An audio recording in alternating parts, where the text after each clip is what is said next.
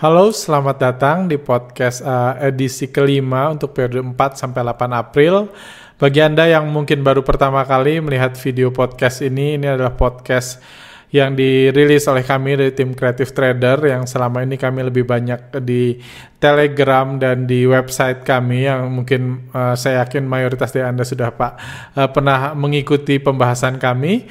Uh, kali ini uh, sejak masa Covid kami karena kami merasa ada begitu banyak yang harus di-sharing uh, dalam waktu begitu singkat untuk membantu rekan-rekan semua untuk sesama investor, saya juga investor di sini untuk untuk uh, mengarungi kondisi yang sulit ini. Jadi kami buat podcast mingguan. Ada podcast podcast. Uh, Anda bisa lihat podcast-podcast uh, sebelum-sebelumnya juga bisa dilihat dan uh, minggu depan pun mudah-mudahan akan ada podcast lanjutan seperti itu. Minggu ini kita akan bahas mengenai kenaikan IHSG yang minggu lalu uh, terlepas dari IHSG yang apa?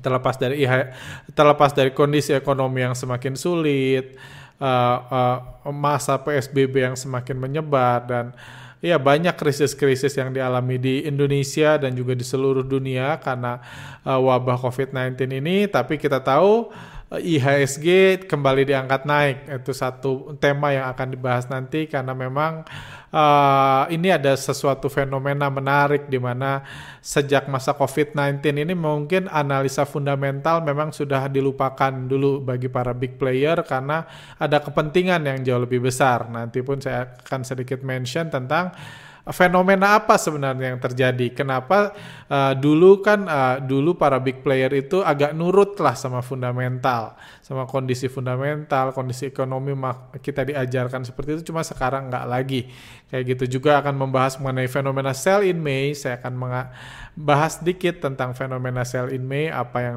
apa sebenarnya sell in May dan kenapa itu sering disebut-sebut oleh para pelaku pasar dan juga tentunya update tentang COVID-19 yang uh, wabah COVID-19 dan prediksi ke depannya seperti apa untuk membantu rekan-rekan juga untuk mengatur strategi. Karena uh, semuanya terjadi apa uh, uh, resiko itu resiko yang dialami dunia keuangan, dunia usaha atau bahkan resiko apa ya keluarga keuangan keluarga itu sangat-sangat bergantung terhadap uh, cepat atau lambatnya krisis COVID-19 ini akan berakhir. Jadi itu itu sangat penting saat ini, uh, sangat penting saat ini karena kalau ini 2-3 tahun ke depan kita sangat sulit untuk uh, uh, ini sangat sulit untuk berinvestasi atau berharap Indonesia masih sama. Kalau ini harus nunggu tiga tahun baru pulih atau bahkan enam bulan pun efek uh, efek damage-nya itu akan sangat besar buat ekonomi, buat keuangan, bahkan buat keamanan dan lain-lain. Kayak gitu. Oke, okay, uh, eh, kita bahas dulu tentang uh, dari uh, untuk dari sisi COVID-19 ini seperti kita lihat saat ini ada 3,4 juta orang yang apa? Yang terjangkit Uh, grafiknya sih sudah mulai flat uh, di di mayoritas negara besar. Ini sudah kita bahas dari hampir sebulan yang lalu bahwa uh, jumlah terjangkit itu sudah uh, sangat mudah uh, sangat mudah ter, diprediksi. Karena memang lockdown, PSBB dan lain-lain pasti berhasil mengurangi jumlah terjangkit.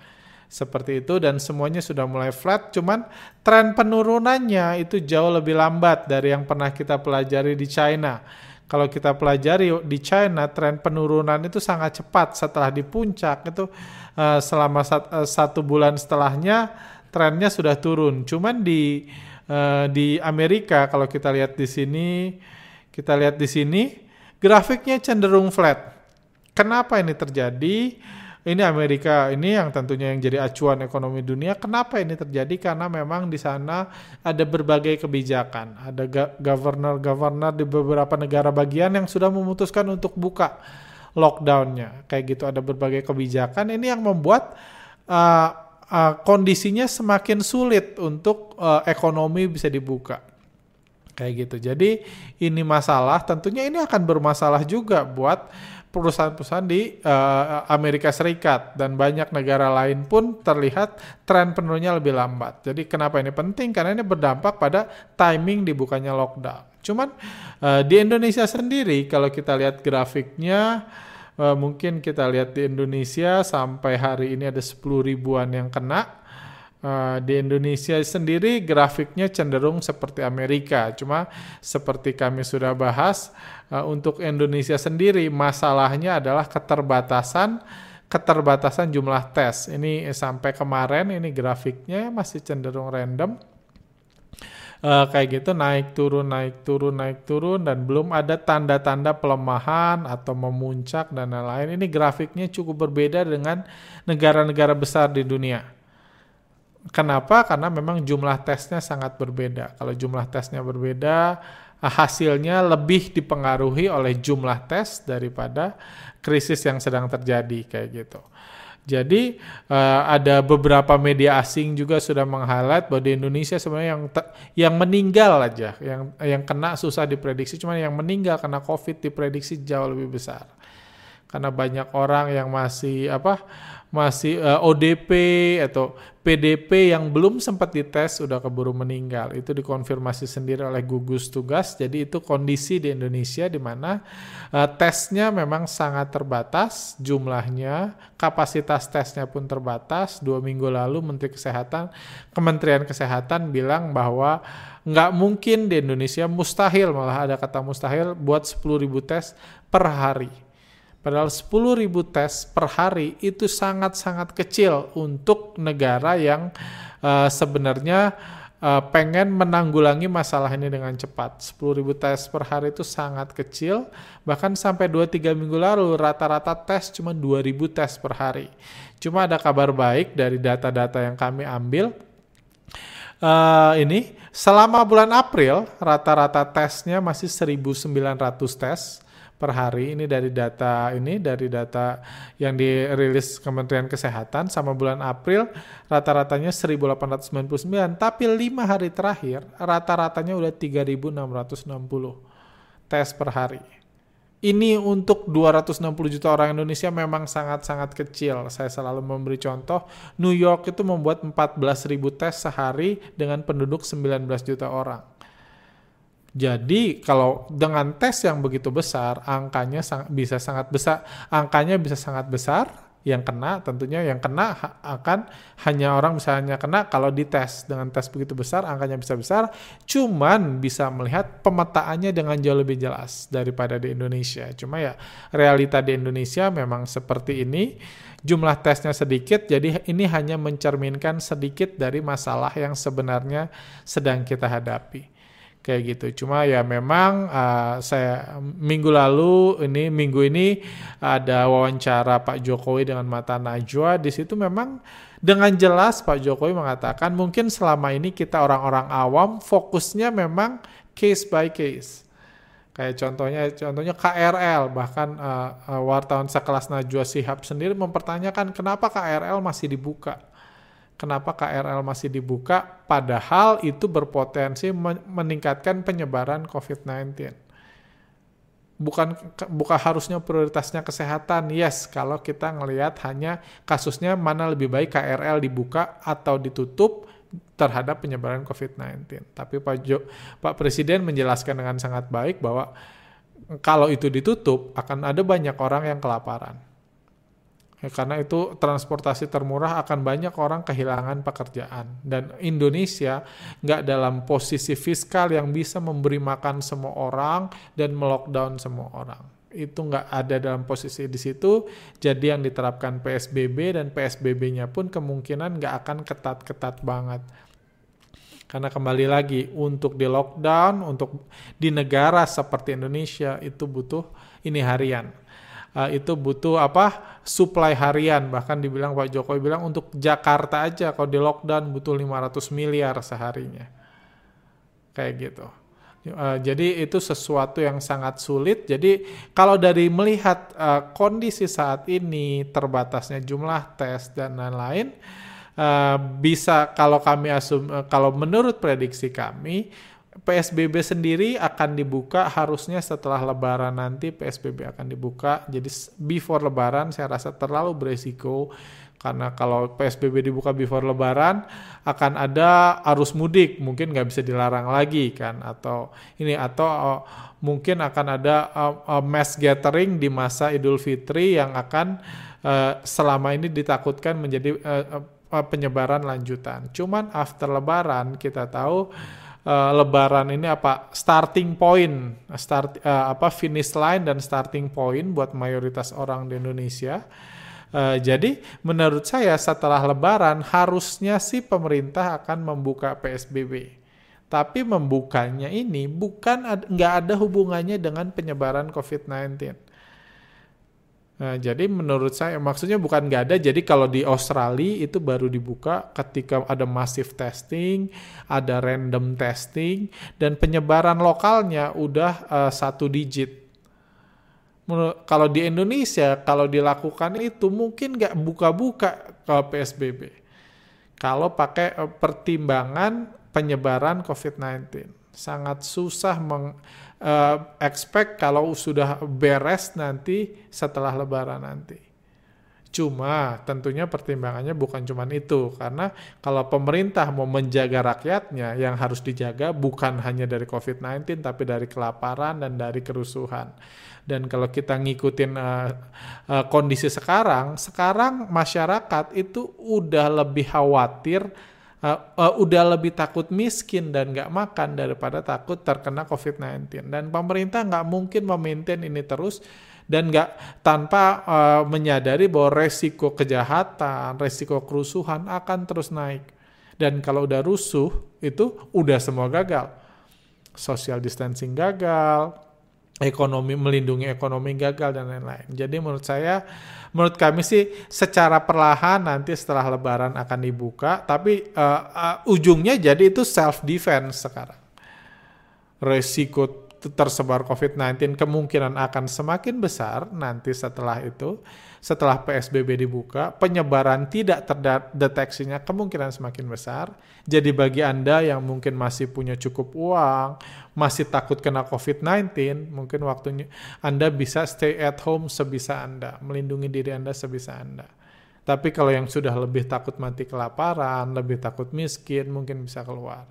Saya rasa Pak Jokowi mem, uh, memberi analogi bagus, ini adalah mengambil keputusan buruk di antara keputusan buruk lainnya. Harus memilih keputus pilihannya buruk semua nih.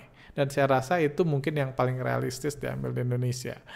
Jadi saya sendiri tesnya meningkat dan ha, eh, dan hasilnya sih sebenarnya nggak terlalu besar ya. Jumlahnya masih masih cenderung stabil jumlah terjangkitnya meskipun tes meningkat ya mudah-mudahan ini ini hal baik yang bisa terjadi bahwa di Indonesia terlepas nanti uh, terlepas uh, gambaran total case-nya masih nggak uh, bisa dibayangkan sama sekali, tapi tentunya kita harap nanti di bulan ini uh, di bulan uh, uh, setelah uh, Lebaran nanti penyebarannya nggak terlalu ini karena kalau penyebarannya terlalu besar akan ada begitu banyak orang meninggal yang nggak terdeteksi COVID-19 dan kita semua tentunya berharap nggak ke situ. Kayak gitu.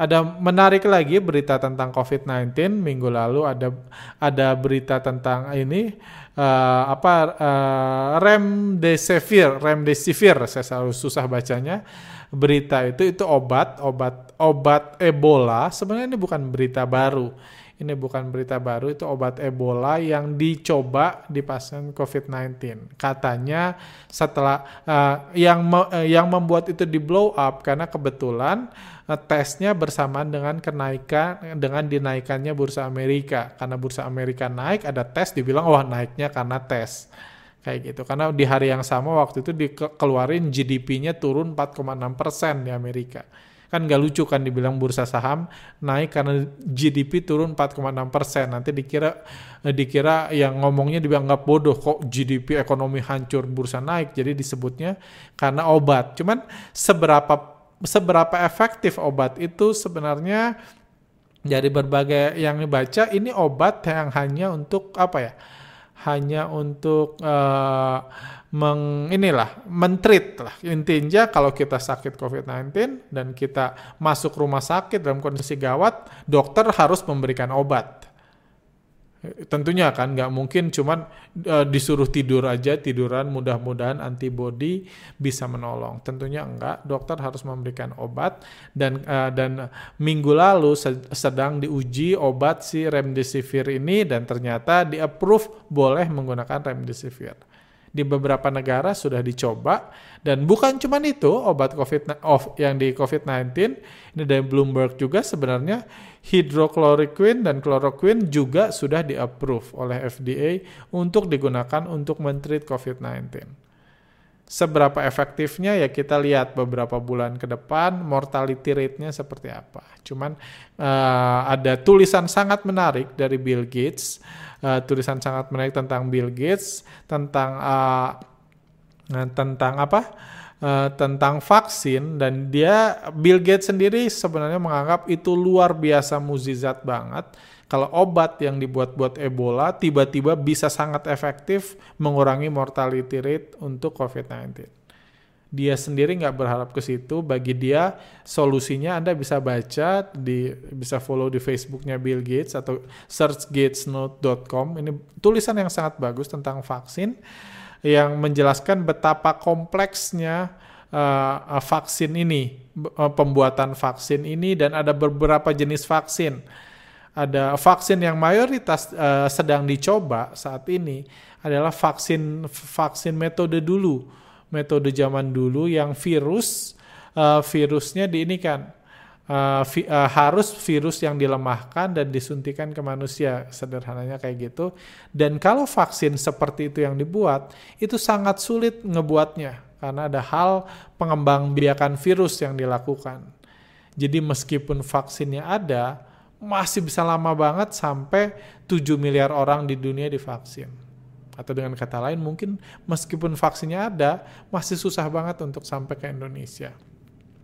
Kayak gitu. Jadi ada vaksin metode lain yang masalahnya metode baru, jadi nggak ada hubungan, nggak menyuntikan virus, metode RNA bisa anda baca juga. Cuman itu ada masalah transportasi. Jadi ini masalah yang sangat kompleks jadi 12 bulan dari sekarang atau mungkin uh, pertengahan tahun depan itu sebenarnya kalau Indonesia bisa dapat vaksin, kalau solusinya vaksin itu sudah luar biasa bagus. 12 bulan dari sekarang Indonesia ya mungkin negara-negara lain bisa dapat vaksin. Kalau memang udah ada negara yang buat cuman Indonesia 12 bulan lagi itu sudah bagus. Kurang lebih seperti itu. Silahkan baca ini sangat bagus untuk Anda mengukur resiko Anda karena kembali lagi dalam masa krisis yang tanpa akhir ini risk management sangat penting. Baik dalam trading, dalam usaha, dalam kerja itu sangat penting untuk risk management. Karena yang nekat terlalu cepat itu itu bisa sangat bahaya kalau krisisnya berkepanjangan. Tapi tentunya kalau Anda punya keyakinan di dalam hati Anda bahwa ini waktu, uh, minggu depan juga udah beres, ini waktunya Anda beli saham. Cuman tentunya kalau saya pribadi coba share apa yang saya pelajari tentang masa ini, saya ngelihat ini krisis bisa berkepanjangan. Kayak gitu dan dan uh, cuman terlepas dari itu kita tahu ini hal menarik juga di Yahoo Finance kemarin uh, menjelaskan uh, uh, jobless claims uh, sampai uh, lebih dari 30 juta orang, 30 juta orang di Amerika kehilangan pekerjaannya selama 4 4 minggu terakhir tapi bulan April menjadi uh, bulan uh, di mana saham uh, indeks Dow Jones uh, mengalami kenaikan terbesarnya sejak tahun 87. Jadi luar biasa banget. Luar biasa banget, udah 30 tahun nggak pernah naik uh, seluar biasa itu indeks Dow Jones. Dan itu terjadi, kenaikannya terjadi pas uh, ekonomi Amerika berantakan. Pas orang Amerika kehilangan pekerjaannya 30 juta orang Amerika kehilangan pekerjaannya.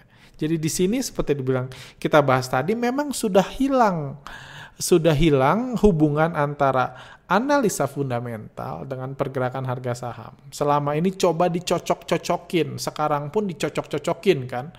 Kalau ini kalau indeksnya naik bilang wah karena ininya mulai flat. Apa penyebarannya mulai flat kalau GDP turun 4,6 persen, 4,6 eh, persen, tapi IHSG, uh, tapi misalnya bursanya naik, oh dibilang karena obat. Walaupun obatnya udah lama. Cuman semakin lama memang semakin hilang hubungannya. Kenapa? Se uh, saya, kenapa setelah di, saya, kami sendiri cukup berpikir, kenapa perusahaan yang sedang krisis harganya bisa terbang? Kalau dibilang sudah murah, oke okay lah, mungkin dia flat nggak turun. Perusahaan tutup biasa harga sahamnya jatuh atau tidur, bukan terbang kan. Cuman kondisi ini uh, memang sangat luar biasa di mana bukan cuma di Indonesia tapi di Amerika juga terjadi yang sama di hampir seluruh dunia terjadi yang sama bahwa ekonomi itu sudah nggak berhubungan dengan bursa saham. Ini udah jadi dua entitas yang berbeda.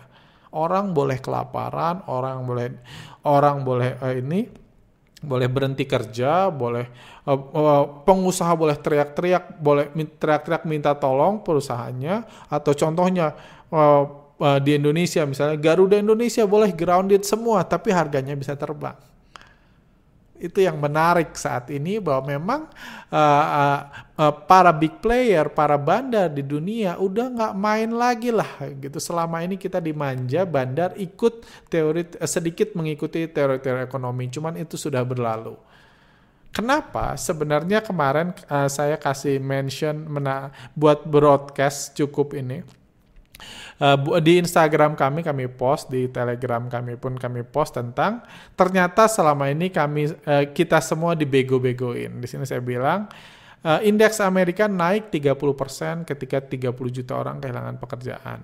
Ketika 60% orang Amerika sekarang udah hidup dari BLT untuk bisa bertahan hidup. Ketika mayoritas perusahaan-perusahaan harus ditolong kalau nggak bubar kayak gitu dalam kalau krisisnya berlangsung beberapa bulan ke depan cuman indeks Amerika naik 30% ternyata itu semua nggak penting. Sebenarnya bukan nggak penting ada yang jauh lebih penting. Ada yang jauh lebih penting yang menyebabkan kenapa market naik. Ini cukup kompleks untuk dibahas di podcast ini. Mungkin ke depan either saya buat artikel di website atau buat podcast baru. Tapi intinya itu ini. Ketika orang kelaparan makanan busuk pun akan diperebutkan jadi saya menyadari ternyata ada perbedaan ekstrim antara economic downturn atau ekonomi yang pelan-pelan turun dengan economic lockdown. Ekonomi yang tiba-tiba di stop kayak sekarang. Ternyata ada perbedaan yang besar yang memberikan dampak positif terhadap bursa saham. Uh, saham-sahamnya dalam masa krisis, yes, kalau kita membahas dari sisi pendekatan produk Saham itu kan produk, produk yang dijual bandar ke retail. Kualitas produknya, produknya memang menurun. Masa depan perusahaannya menurun, profitnya ke depan akan menurun, terancam bangkrut dan itu produk. Tapi jangan salah, uh, uh, terbentuknya harga bukan hanya disebabkan oleh produk, tapi oleh permintaan. Tapi oleh permintaan. Permintaan juga ini, kalau orang kelaparan, orang kelaparan berarti semua semua meminta makanan, permintaan makanan. Kalau orang kelaparan, makanan busuk pun diperebutkan. Makanan busuk pun akan diperebutkan. Kurang lebih itu yang terjadi di bursa saham sekarang. Karena kembali lagi economic downturn nggak uh, economic downturn itu berbeda dengan economic lockdown di dunia ini belum pernah ada economic lockdown. Itu sebabnya ter, kami salah satunya dan hampir saya rasa semua analis yang kita ini selalu merasa economic lockdown akan menyebabkan economic downturn. Jadi efek terhadap bursa sahamnya akan seperti economic downturn. Economic downturn itu sederhananya setiap bulan orang semakin miskin. Kalau setiap orang bulan orang semakin miskin, orang akan mengurangi uh, konsumsinya, mengurangi konsumsinya otomatis akan mengurangi uh, profit perusahaan yang dikonsumsi tentunya kan akan mengurangi profit perusahaan, akan membahayakan masa depan perusahaan, juga akan menjual sahamnya untuk memenuhi kebutuhannya. Orang kalau orang kepepet kayak mobil kayak mobil bekas saat ini. Mobil bekas kehilangan harganya jatuh banget mobil bekas, handphone bekas. Itu jatuh banget karena economic downturn ekonomi yang semakin lama semakin turun. Tapi saham nggak masuk kategori seperti mobil bekas. Kenapa? Mungkin nanti ada podcast lain yang bisa saya jelaskan. Itu saya jelaskan panjang lebar di gathering di gathering sell in and go away kemarin. Seperti itu. Jadi kuncinya seperti itu. Juga kita lihat ada hal menarik, ada ini saham real, bandar saham real buat program menarik. Nabung saham real dapat hadiah total miliaran rupiah. Ada dikasih mobil, dikasih rumah, dikasih motor, dikasih emas batangan. Jadi ini program baru untuk dunia pasar modal dan dunia perbandaran di Indonesia. Di mana orang yang punya, Anda kalau beli real 100 slot dapat kupon undian kupon undiannya itu bisa diundi, Anda bisa dapat rumah. Ini fenomena baru. Saya uh, selama ini uh, trading saham baru sekali ini dengar kondisi ini. Baru sel selama ini ngeliat kondisi ini dan ini terobosan baru bagi bandar yang sedang mendistribusi saham ini. Kenapa? Jadi ada beberapa alasan. Pertama, sekarang memang saham gorengan kehilangan sedikit kehilangan marketnya sedikit kehilangan marketnya uh, karena sekarang saham blue chip juga geraknya kayak gorengan. Sekarang udah nggak ada blue chip lagi, udah semua gorengan. Jadi perusahaan-perusahaan yang nggak terlalu jelas kayak real ini kehilangan marketnya. Jadi dia buat terobosan baru. Be uh, dalam podcast beberapa minggu terakhir so, saya suka udah bilang bursa saham sekarang udah jadi kasino. Sekarang bukan hanya jadi kasino, tapi udah jadi lotre juga ini ciri-ciri apa yang terjadi di masa ini ini ini reaksi-reaksi bandar yang terjadi di masa krisis. Bandar real udah mau jualan, dia udah bingung gimana lagi gue jual nih saham. Gimana lagi meningkatkan uh, penjualan si saham ini? Bandarnya punya saham banyak dan mungkin dia takut jangan-jangan perusahaan bubar, dia harus nyari pembeli. Ya pembelinya anda-anda ini yang mungkin diincar. Karena kan bursa saham kalau bandar punya supply banyak, dia mau jualan, dia harus cari pembeli. Atau sederhananya mungkin Anda punya satu ini, Anda punya satu ton telur yang Anda bingung belinya gimana dan kalau di, dibiarin bisa busuk, Anda undian. Beli telur dapat mobil, biar orang berlomba-lomba membeli telur. Kayak gitu. Jadi kurang lebih fasenya memang masih distribusi bandar. Bandar masih terus mendistribusi dengan berbagai cara kayak gitu. Juga oh ya dan terakhir tentunya eh, kita mulai minggu depan memasuki bulan Mei. Ada fenomena Anda tentunya pernah dengar atau saya lihat beberapa orang ini juga beberapa pakar saham juga membahas tentang sell in May and go away. Saya nggak tahu mereka melakukan riset atau cuma googling doang. Cuma saya akan sedikit share tentang uh, sell in May itu. Jadi apa itu sell in May and go away? Itu pertama adalah ini adalah fenomena yang pertama ditemukan oleh salah seorang uh, analis di Amerika Serikat yang uh, menyadari kalau ternyata kinerja bursa saham di bulan Mei sampai bulan Oktober kinerja di bulan Mei sampai bulan Oktober itu hampir selalu lebih buruk dibandingkan November sampai April. Bahkan dia membuat simulasi dia membuat simulasi katanya kalau kita invest 1 juta dolar eh 1000 dolar di S&P 500 Uh, uh, tahun 1950 sampai 2019 ini simulasi yang kami lakukan. Simulasinya mirip kayak gini cuma tahunnya 2014 kami membuat simulasi yang sama sampai tahun 2019 jadi sederhananya Anda beli indeks Amerika S&P 500 beli di tanggal 1 November terus simpan dan jual Kamis kemarin tanggal 30 April. Jadi gitu doang strateginya. Anda beli 1 November, jual 30 April. Kalau Anda beli 1000 dolar, profitnya itu uh, nilai uh, uang Anda naik jadi 84.000 dolar selama 60 tahunan ya, 70 tahun. 69 tahun profit Anda dari 1000 naik ke 84.000, naik 84 kali lipat. Kalau Anda beli 1 November, jual 30 April. Jadi 1 November beli, simpen terus, 30 April jual. Kayak gitu. Uh, jadi beli lagi, sat, uh, jadi ini yang sell in Mei, makanya memasuki bulan Mei jual sahamnya. Kayak gitu hasilnya. Di sisi lain, kalau Anda bukan sell in Mei, tapi Anda buy in Mei, belinya 1 Mei, jualnya 31 Oktober, hasilnya luar biasa ajaib. Anda beli uh, Anda beli uh, uh, ini Anda beli 1000 dolar, hasilnya cuma 2093 dolar. Jadi nilainya sangat-sangat rendah kalau kita uh, melakukan uh, uh, ini uh, buy in Mei. Bayangin 184.000, 1 2000. Jadi kalau Anda beli 1 Mei jual 31 Oktober, beli 1 Mei jual 31 Oktober, 69 tahun profit Anda cuma 1093 dolar dari modal 1000. Jadi luar biasa kecil sementara ini profit Anda 83.000 dolar. Hal yang sama kami eh, kalau di Indonesia gimana sama.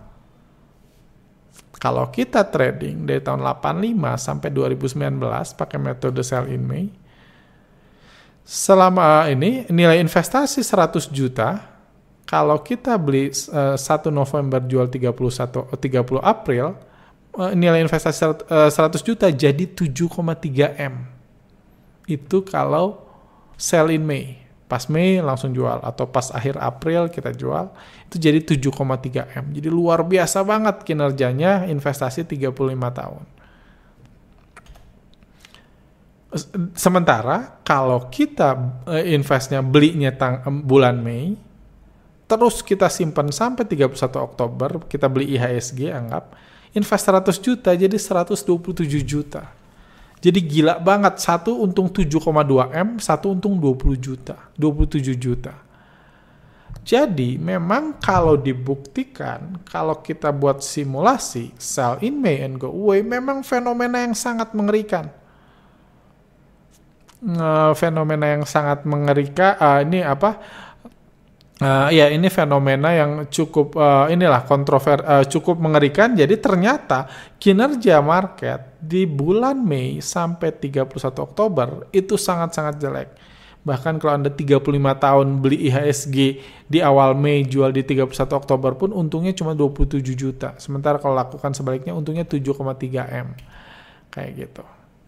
Jadi kalau dipetakan ini Uh, ini uh, ini metode pertama ini 7,2 M, metode kedua untungnya 7, uh, 27 juta. Sementara kalau Anda beli simpan terus untungnya 9,1 M. Jadi kalau Anda beli IHSG simpan 35 tahun untungnya 9,3 M. Jadi mayoritas didapat di sini di bulan uh, April uh, bulan uh, November sampai April.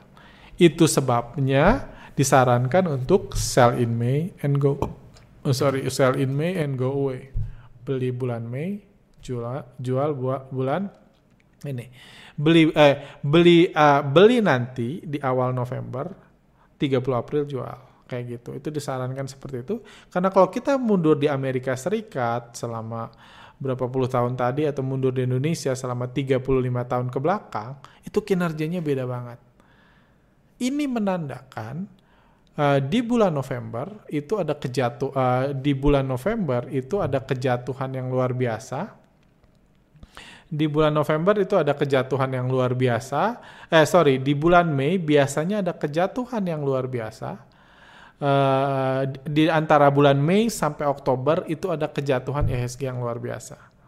Makanya kinerjanya cuma 27% plusnya selama 35 tahun terakhir. Jadi itu sesuatu yang uh, uh, patut kita waspadai. Cuma kalau di riset jatuhnya nggak selalu di bulan Mei.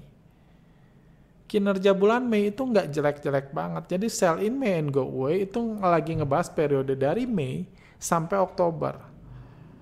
Kalau kita riset IHSG 20 tahun terakhir, kinerja paling jelek itu biasa bulan Agustus, kedua paling jelek itu bulan Juli, bukan bulan Mei kayak gitu. Jadi nggak perlu langsung panik, langsung itu nggak harus gitu. Kalau alasan paniknya sell in and go away. Bukan cuma itu. Setelah kami riset, kalau ternyata ini cuma diberlakukan 10 tahun terakhir, ternyata kinerjanya udah nggak nggak nggak separah itu. Bahkan udah cenderung sama. Dengan modal 100 juta, kalau kita beli November jual April, profit kita 200 uh, eh, nilai kita jadi 228 juta. Jadi untung 128 juta. Kalau Mei sampai Oktober 210 juta. Ada di bulan Mei 5 tahun terakhir 124 juta, 115. Kalau ini 3 tahun terakhir 114 juta, 106 juta. Jadi ternyata memang kinerja uh, ini luar biasa di tahun-tahun yang lalu, puluhan tahun yang lalu. 10 tahun terakhir kinerjanya udah nggak jauh beda. Ini uh, untung 128 persen, ini untung 110 persen. Ini untung 24 persen, ini untung 15 persen, ini untung 14 persen, ini untung 6 persen. Jadi kinerja Mei sampai Oktober masih umumnya masih lebih jelek, 3 tahun, 5 tahun, cuman udah nggak separah yang tadi, yang 17,1 M, 7,2 M, yang 127 juta, udah nggak separah seperti itu. Jadi itulah fenomena sell in May. Dan uh, dan hal lain memang secara historis kejatuhan-kejatuhan bursa saham dunia juga Indonesia selama 35 tahun ke belakang atau selama berapa puluh tahun ke belakang di Amerika itu biasanya terjadi di bulan Mei sampai bulan Oktober. Itu terjadi cuma apakah selalu dimulai bulan Mei bukan. Tapi at least kalau secara statistik resikonya lebih besar. Kalau ngomong kejatuhan historis ya yang yang sangat-sangat dalam itu biasa terjadi di bulan Mei sampai bulan Oktober. Itu pertama. Cuman selama 10 tahun terakhir IHSG nggak ada kejatuhan-kejatuhan luar biasa dan kinerjanya itu biasa aja. Mei sampai April, uh, November sampai April sama Mei sampai Oktober cenderung mirip-mirip aja. Seperti itu. Jadi kita harus aware tentunya memasuki periode Mei sampai Oktober ini cuma kembali lagi bukan berarti pas titik pertama Mei langsung jatuh bukan. Cuma kita tahu kita lagi bahas dalam kondisi IHSG yang penuh resiko karena eh, resiko pelambatan ekonomi, resiko ini tadi uh, lockdown, perusahaan-perusahaan yang berpotensi bangkrut, kredit macet, konsumsi turun, ada banyak banget masalah yang nggak pernah kita alami dalam hidup kita, nggak pernah dilihat semua pakar ekonomi, semua analis, semua komentator saham nggak pernah lihat, jadi kita pelajari satu persatu. Salah satu yang baru kami pelajari adalah perbedaan economic lockdown dengan economic downturn, itu yang beda banget. Lalu gimana IHSG minggu depan? Kalau saya lihat uh, IHSG minggu depan saya rasa masih cenderung ini prediksi saya IHSG minggu depan saya selalu ditanya si NBC setiap minggunya. Uh, uh, setiap minggu ditanya si NBC mungkin saya kembali memprediksi minggu depan turun lagi walaupun sebenarnya kalau boleh saya bilang netral. Ya saya nggak tahu naik atau turun cuman nggak ke mana-mana lah. Naik setengah persen atau turun setengah persen mungkin tebakan saya itu itu tebakan. Kenapa tebakan? Ya eh, kenapa? Alasannya sangat jelas kenapa saya nggak optimis karena ekonomi masih jatuh semakin lama ini semakin parah kondisinya secara bandar bandar saya lihat mayoritas eh, saham bandar masih terus jualan tapi diimbangi oleh tadi diimbangi oleh demand yang meningkat oleh para investor yang mungkin saya jelaskan di artikel atau podcast yang lain Uh, dan ada sentimen positif sebenarnya ada inflow cukup besar di bulan Ju di hari Kamis kemarin. Inflow cukup besar di hari Kamis, cuman karena itu di akhir bulan ada ada biasa strategi window dressing dan terlepas dari ada inflow 600 miliar kemarin, empat hari terakhir sepanjang minggu lalu aja outflow-nya masih 924 miliar. Jadi belum ke mana-mana kalau menurut saya outflow-nya masih jauh lebih besar. Uh, saham-saham unggulan juga ini saham Unilever yang dibahas di podcast minggu lalu naik luar biasa. Minggu lalu kita sempat lihat ada inflow luar biasa karena ada rekan yang nanya jadi dibahas ada inflow itu naik luar biasa. Uh, jadi ini bisa jadi motor kenaikan IHSG sementara saham perbankan sendiri masih cukup mengerikan. Masih terus dijual. Jadi saya lihat masih ada balance, mungkin saya enggak uh, dan kembali lagi uh, saya ngelihat uh, sama seperti yang sudah saya bahas tiga minggu terakhir bahwa saya nggak ngelihat ada peluang besar indeks akan segera dibanting terlepas dari bandar terus mendistribusi, investor asing terus keluar, ekonomi semakin buruk, saya nggak ngeliat indeks akan dibanting. Kalau turun pun turunnya ya paling banyak kalau kita lihat sebulan ini paling banyak ya tiga persenan. Itu kecil dalam kondisi kayak gini. Kayak gitu paling banyak itu bisa rebound lagi akan cenderung sideways karena bisnis uh, jualan saham ini, jualan saham yang kualitasnya turun ini sedang booming-boomingnya sekarang. Sedang booming-boomingnya jadi banyak orang tertarik masuk bisnis ini dan bandar pun tentunya nggak mau ngerusak kondisi market yang sedang kondusif karena mereka mau jualan. Mereka sampai ngasih ngasih ini ngasih bonus ini kan ngasih undian rumah karena mereka pengen jualan kayak gitu. Jadi so far resiko masih besar. Uh, ke depannya saya rasa eh, PSBB masih berlangsung kesimpulannya PSBB saya rasa masih berlangsung. Cuman saya semakin lama semakin optimis kalau after lebaran nanti akan dibuka. Jadi kita udah pindah lagi bukan lockdown bukan PSBB tapi self defense Anda melindungi diri Anda masing-masing. Kalau takut kena COVID-19 ya di rumah karena pemerintah saya rasa nggak punya cukup uang untuk harus ngehidupin 250 juta orang Indonesia jangan samain sama Italia Itali uh, Itali kan penduduknya paling berapa puluh juta. Kita ada 260 juta orang Indonesia, terlalu berat untuk diinikan. Amerika sendiri mulai kerepotan, mulai ada eh, negara-negara uh, negara bagian yang dibuka, walaupun kasusnya masih ribuan setiap hari, karena memang itu udah sulit. Jadi kita sama-sama berdoa supaya kalaupun pemerintah nggak punya pilihan lain, nggak punya pilihan lain selain ngebuka PSBB supaya ekonomi bisa jalan. Mudah-mudahan kita semua bisa selamat dan COVID-19 bisa kalau bisa hilang dengan sendirinya. Cuman at that point sampai itu terjadi, sampai ini saya rasa market masih akan cenderung stabil dan kalau kita lihat para bandar, para big player masih terus uh, trennya masih terus distribusi. Karena zaman kayak gini siapa yang mau punya saham banyak-banyak? Semuanya pengen cash. Pengen punya cash kecuali memang yang nggak mengerti. Kayak gitu. Dan yang nggak mengerti itu banyak ternyata dan itu menjadi uh, uh, uh, demand. Jadi demand terhadap saham meningkat kurang lebih kayak gitu. Uh, untuk podcast minggu ini sampai sini untuk podcast ini. Untuk pembahasan saham saya akan bahas untuk podcast selanjutan saya akan rilis besok mudah-mudahan. Kalau paling lambat hari Senin pagi saya rilis. Silahkan uh, uh, kalau anda punya request saham yang dibahas silahkan tulis di kolom komentar di bawah ini. Jangan lupa subscribe kalau Anda suka dan pengen lihat podcast-podcast minggu selanjutnya. Thank you buat bergabung. Silahkan jangan lupa komen, subscribe, bisa di like juga untuk mendukung kami supaya kami terus semangat membuat podcast selanjutnya. Thank you, stay home, stay healthy, dan sampai jumpa.